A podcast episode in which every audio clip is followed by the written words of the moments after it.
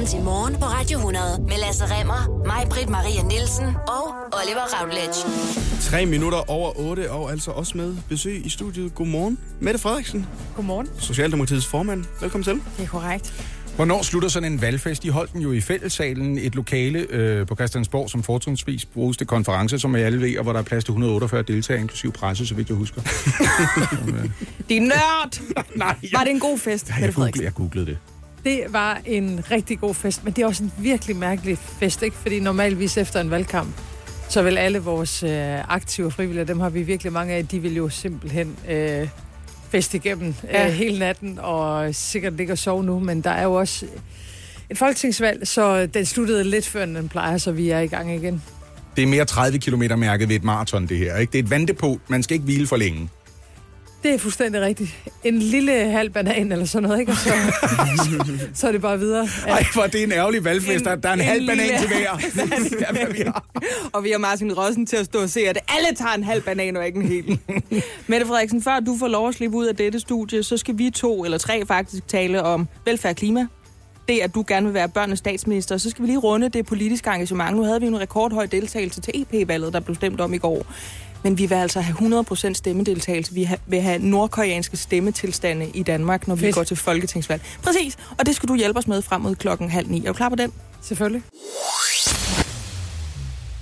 Vi har besøg af Mette Frederiksen. Godmorgen igen, Mette. Bare lige for Godmorgen lyttere, igen. der ikke har hørt din stemme endnu. Godmorgen igen. Øh, Vi kan godt genkende den efterhånden, fordi Mette Frederiksen, formand for Socialdemokraterne, har det jo med at være rigtig meget i vælten lige for tiden. Mhm. Mm-hmm. Fordi den bedste tid er jo lige nu øh, op til den 5. juni, hvor der er folketingsvalg. Mhm. Mm-hmm. Du griner med det, er du uenig? Jeg tænker måske, folk vil være så lidt trætte af os. Nej, det tror jeg da ikke. det tror jeg da ikke. Overhovedet. Nej, nej, nej, nej. Der er ingen øh, metaltræthed her.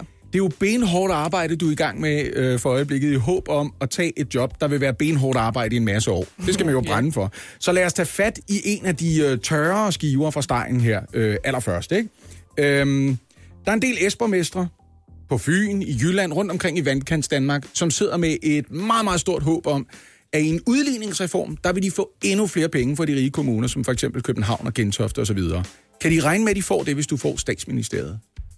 Det var da egentlig et ret vildt spørgsmål at starte ud på. Ja, kan du se det? Mandag morgen. Jeg sagde, det var en tør skive steg, vi starter Ja, med. men det er cool nok. Godmorgen, godmorgen. Godmorgen, godmorgen, ja. Øhm, jamen altså, vi skal have lavet en udligningsreform. Øh, det, det er helt øh, åbenlyst. Det, det skulle vi faktisk allerede have lavet, og det lykkedes ikke. Så det er det, er det man kalder sådan en bunden opgave, mm. som ingen øh, imødeser med glæde, øh, fordi det kan næsten ikke lade sig gøre at lave noget, som gør alle glade. Til gengæld er det rigtig nødvendigt, fordi øh, det er rigtigt, når især når man kommer væk fra de store byer, så, øh, så er der faktisk nogle kommuner, der nærmest ikke kan få tingene til at hænge sammen, fordi der simpelthen ikke er penge nok.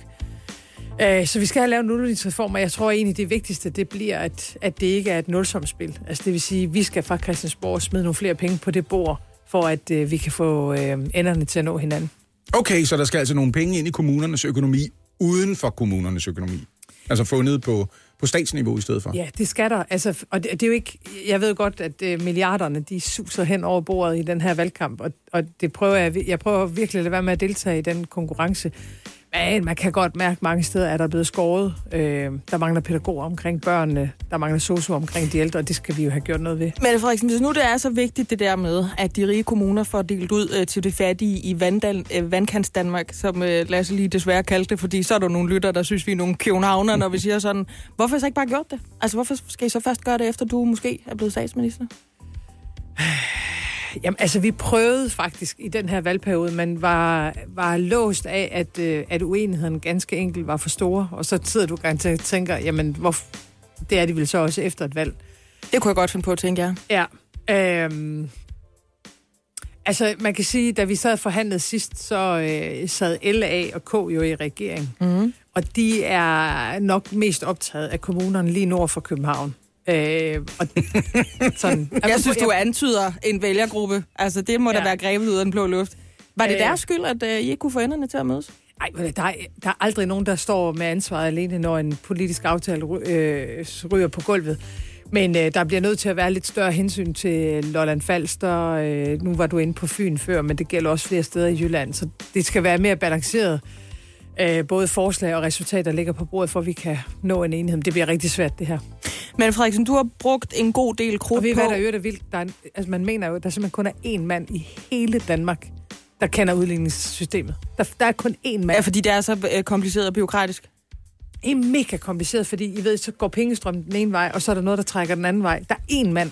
Det er super farligt, det der. Det gjorde man jo med farligt. skat og ham der fyren, der sidder med en masse af vores milliarder nede i, i og er der nogen, arabisk der ved, om den mand stadigvæk er her? Lige præcis, der skal være mindst fem, der kan gennemskue Jeg sad lige og håbede på, at han var ansat i, i dit kommende departement, men det lyder som om, det er han ikke. Mette Frederiksen, når vi kommer tilbage lige om lidt, så skal vi snakke om det her med, at du gerne vil være børnenes statsminister. Vi skal snakke om, om det giver mening, og hvem du faktisk har som konkurrent. I studiet har vi besøg af vores måske kommende statsminister, Mette Frederiksen. Det kunne tyde på det i hvert fald. Lad os i hvert fald starte med at sige, at der er 65.000 fattige børn i Danmark. Kriteriet er, for at være et fattigt barn i Danmark, at ens forældre har tjent under cirka øh, 10.000 kroner netto om måneden de sidste 12 måneder. Mette Frederiksen, hvis du bliver statsminister, vil det så stadig, altså det beløb der, være kriteriet for, hvornår et barn er fattigt? Øh, Altså, jeg synes, det vigtigste, når vi taler børn og fattigdom, det er jo at få gjort noget ved problemet. Øh, mere end øh, om vi har sådan, øh, den, rigtige, øh, den rigtige statistik. Men det er jo fordi, hele det der blik på, hvornår er man fattig, har jo Ja. skvulpet frem og tilbage, også hjulpet af den nuværende regering. Det er derfor, vi spørger, altså bliver det nemmere eller sværere, hvis man kan kalde det det, at være, At være fattig, fattig? under dig?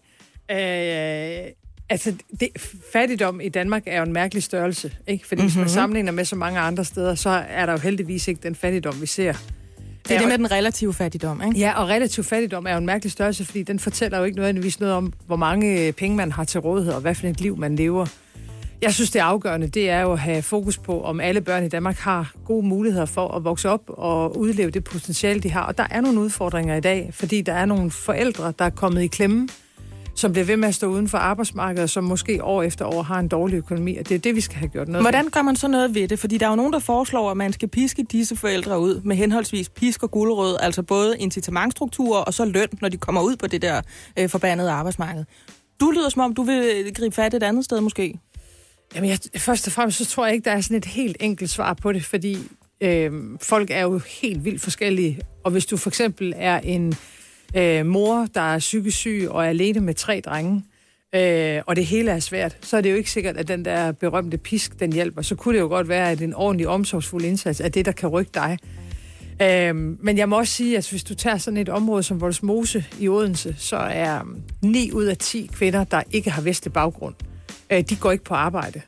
Øhm, og, og jeg er da, føler mig da helt overbevist om, at nogle af dem faktisk godt kunne gå på arbejde, og der nok er nogle andre barriere end kun kompetencer, for eksempel noget kultur. Ja. Og det bedste, vi kunne gøre for deres børn, det er jo at få deres mor ud på arbejdsmarkedet, så hun begynder at tjene nogle penge og lære sproget og spare op til sin egen pension, og i, altså, i det hele taget bliver en mere aktiv øh, medborger. Men den integrationsretorik der, kunne man ikke godt altså, bruge de gode dele af den og påføre det på en, en borger, der har øh, altså, det helt, øh, altså, etniciteten på plads i forhold til at bare være en del af, af den hvide, kedelige statistik, kan man sige, hvor det altså ikke handler om integration, hvor det bare handler om øh, folk, der har svært ved at få en plads på arbejdsmarkedet. Altså incitamentstrukturen, hvis den virker der, virker den så ikke det andet sted også? Jo, men altså, de fleste går jo også på arbejde. Altså, de- den, den gruppe, der har den laveste deltagelse på arbejdsmarkedet, det er kvinder med ikke vestlig baggrund. Så der har vi jo en kæmpe udfordring, og det kan mm. vi også se i de tal, der vedrører børnene. Men når det handler om det her med at bryde arbejdsløshed og hjælpe folk til at komme ind på arbejdsmarkedet, så er mennesker jo totalt forskellige. Altså, nogen har behov for et flexjob, hvor man kan arbejde måske kun nogle timer. Øh, andre har behov for at få noget hjælp til den der psykiske sygdom. Og så er der der nogen, øh, som måske har brug for, at samfundet lidt tydeligere siger, at vi regner med dig og øh, forventer sådan set også, at du har et arbejde. For en uge siden, der sad Pernille Skipper, hvor du sidder lige nu, Mette Frederiksen, og hun sagde, at hvis man ville hjælpe de fattigste børn i Danmark, så skulle man stemme på hende og ikke dig. Hvorfor kan hun finde på at sidde og sige sådan noget, tror du? Jamen, det har enhedslisten. Det er da ikke første gang, enhedslisten siger det. Nej. Øh, og det siger enhedslisten jo om rigtig mange, øh, mange sager. Jeg synes bare, man skal vide, at hvis man øh, gør det, som Venstrefløjen foreslår, altså afskaffer det, vi kalder de lave ydelser, Ja. så vil en flygtningefamilie, der lige er kommet til Danmark med tre børn, få næsten 120.000 kroner ekstra til sig selv om året efter skat. Det er helt vildt mange penge. Og der er jo ikke andre i Danmark, der kan forvente en så stor øh, lønforhøjelse eller en så stor ydelsesforhøjelse. Og der skal også være noget rimelighed i det her. Så det Øhm, skal kunne svare sig at arbejde, Ja, selvfølgelig skal der kunne betale selvom sig det er et valgsprog fra en, en opposition lige nu. Jamen selvfølgelig skal det kunne betale sig at arbejde, og det er, da, altså, det er jo det, vi bygger det danske samfund på, at så mange af os som overhovedet muligt øh, kommer afsted om morgenen og, øh, og forsørger os selv og vores familie. Det princip må vi da aldrig nogensinde fravige. Du sagde også, at der er ikke noget nemt svar på den her udfordring, men Pia Olsen Dyr synes, der er i hvert fald et vigtigt svar, som hun forlanger, at du øh, tilslutter dig. Vi skal af med kontanthjælpsloftet, og vi skal af med det, der kaldes fattigdomsydelserne. Du har tilbudt en ydelseskommission, der skal se på tingene og foreslå nogle løsninger. Bliver I enige om det? Hun kommer ikke til at pege på dig som statsminister, hvis du ikke siger ja tak til at fjerne kontanthjælpsloftet, har hun sagt. Øh, jeg tror godt, vi kan blive enige om det her, fordi det er jo en, øh, det er jo en rigtig vigtig opgave, men den går bare på to ben, fordi det er ikke nok bare at give folk flere penge. Hvis det betyder, at rigtig mange, for eksempel indvandrerkvinder, står uden for arbejdsmarkedet, hvad vinder vi på det? Altså deres børn bliver- får det ikke bedre, det gør kvinderne heller ikke. Så det, det bliver nødt til at gå på to ben, at, at ja, der er en udfordring omkring børnefattigdom, den skal vi løse, men vi skal saftsus også sørge for, at der er flere, der kommer ind på det arbejdsmarked. Er det et ja eller nej til Pia Olsen Dyr?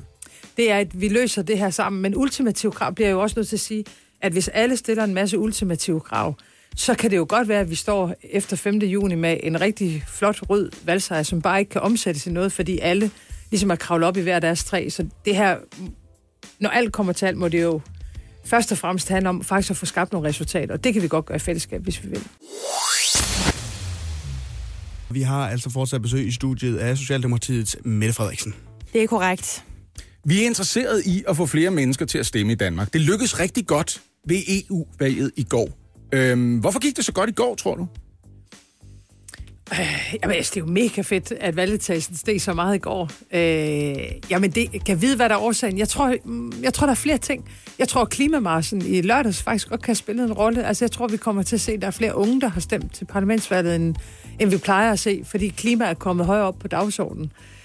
Det tror jeg er en forklaring. Så tror jeg, der er noget Brexit i det her. Altså, øhm, fordi dan- danskerne har jo i alle år været splittet omkring øh, EU-spørgsmål, og man kan sige rigtig meget med EU, både godt og dårligt. Men jeg tror, der er mange, der har det, ligesom jeg selv har, at man sidder der og kigger på sådan et engelsk parlament, der er ved at kollapse, og folk står og råber og skriger hinanden. Øh, fordi mm, valgresultatet viser jo også, at alle os, der er for øh, EU på forskellige måder, altså det er jo os, der har fået øh, det gode folketing, eller øh, valg til parlamentet, ikke? Det må man sige. Øh, så jeg tror, der er flere ting i det. Er det en tendens, du håber, vi kan slæve med os? Eller, det var et fuldstændig retorisk spørgsmål. Ja, du håber, vi kan slæve det med os til den 5. juni. Spørgsmålet er, hvordan? Fordi vi kan jo godt lide at tænke herinde på Radio 100, at det er fordi, vi har opfordret vores lyttere til at stemme igennem den Det sidste tre ugers tid. Det tror vi rigtig meget på, at det skyldes. Men vi tror også, det er fordi, der er folk som Frank Vam for eksempel, øh, kendte mennesker, skuespillere, komikere, whatever, der har opfordret til, stem nu til det EP-valg. Selv hvis du synes, det er svært at sætte dig ind i, så stem. Hvordan fileren får vi den interesse til at bare ved øh, til den 5. juni? Jamen, det tror jeg faktisk, den gør. Altså, når, når de to valg ligger så tæt på hinanden, og der var så mange, der var nede og stemme i går, så tror jeg også, folk stemmer den, den 5. juni. Øh, men det kan sagt, altså, jeg har også set uh, Franks uh, video. Øh, synes, det er enormt sjov, og det, det tror jeg godt kan spille en rolle. Øh, også. Og så måske skal vi bare lige kigge hinanden i øjnene. Det lyder det, som om I har gjort øh, igennem øh, mikrofonerne her det sidste stykke at Vi har befalet vores lyttere Ja, men det er at gå fedt. ned og stemme. det er fedt, fordi der er også et eller andet over det der. Altså, mange steder på jordkloden går folk jo altså stadigvæk i døden for at få lov til at stemme, og herhjemme kommer vi lidt til at tage det for givet. Så kan man godt blive udfordret en gang, men jeg kan huske en valgdag for mange år siden, da jeg sådan var ung kandidat, faktisk her i Skovlunde, hvor vi sidder lige nu. Okay, ja. Og så øh, øh, møder jeg sådan en gammel dame, der er næsten blind, øh, som ikke kan komme ned på valgstedet. Og så siger jeg, "Jamen, jeg kører dig. Og så kører jeg hende ned, og jeg følger hende ind, og hun, øh, vi, hun går ind og stemmer. Og så går vi ud, og så siger hun, det var godt, du fik stemt. Jeg synes så, jeg stemte på Dansk Folkeparti. og der skal man jo huske, altså sit demokratiske sætte, lad os sige, det er vigtigt, ikke hvem man stemmer på, at man stemmer. Så går vi ud, og hun var over 90. Ja. Og så giver hun mig sådan en lille albu, så siger hun, det var bare for sjov. Jeg Nå. stemte på dig. Nå, det var en sød historie. Men faktisk så bakker den meget godt omkring det, altså som vi egentlig gerne vil pointere herinde, at vi er snart sagt ikke så interesseret i, om man stemmer til højre eller til venstre. Det er mere det demokratiske proces i sig selv, vi er Jeg går også en i. lille bitte smule op i, hvor man stemmer. Ja, det, en kan jeg forstå. sag. På et tidspunkt, der bad vi uh, Tom Jaglers, den gode mand, om at pitche sig selv som uh, politiker til vælgerne. Vi sagde til ham, nu er det ikke investorer eller kunder, nu er det vælgere. Hvis du skulle gøre det samme, hvis du skulle levere 30 sekunders elevator pitch til måske en ny vælger, eller til nogle af dem, der plejer at sidde hjemme i sofaen og krydre røv, når det er valgdag, hvordan lyder det så, hvis du skal bruge 30 sekunder, Mette Frederiksen?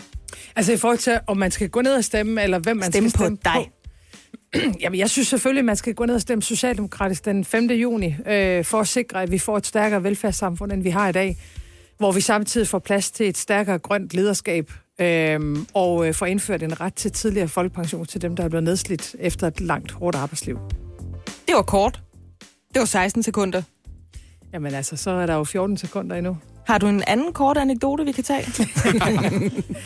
Nej, men jeg, altså, jeg synes jo også, øh, det der er vigtigt omkring det her valg, det er jo, hvis man, hvis man er en af dem, der gerne vil have en ny politisk retning, hvor vi ikke bare bliver ved med at skære ned på vores velfærdssamfund, men faktisk også begynder at udvikle det, så vores unger, når de kommer i vuggestue og børnehave, at der faktisk er pædagoger nok, og vi passer ordentligt på vores ældre, så handler det om at sætte velfærdssamfundet først i de kommende år, og det er Socialdemokratiet bedst til. Jeg glæder mig til at se, hvor meget det påvirker stemmeprocenten, at man kan få et lift med Mette Frederiksen ned til det lokale valgsted. Jeg kunne godt køre rundt hele dagen. Altså, jeg har jo sådan en stor mættebus. Der kan vi, altså, der kan vi godt have nogle folk inde, vil jeg sige. Vi skal ja. bare have lavet en køreplan for den, det er det. Ja. Fortsat god valgkamp, Tak skal I have. og tak for besøget. Selv tak. Morgen på Radio 100 med mig, Britt Maria Nielsen, Lasse Remmer og Oliver Routledge.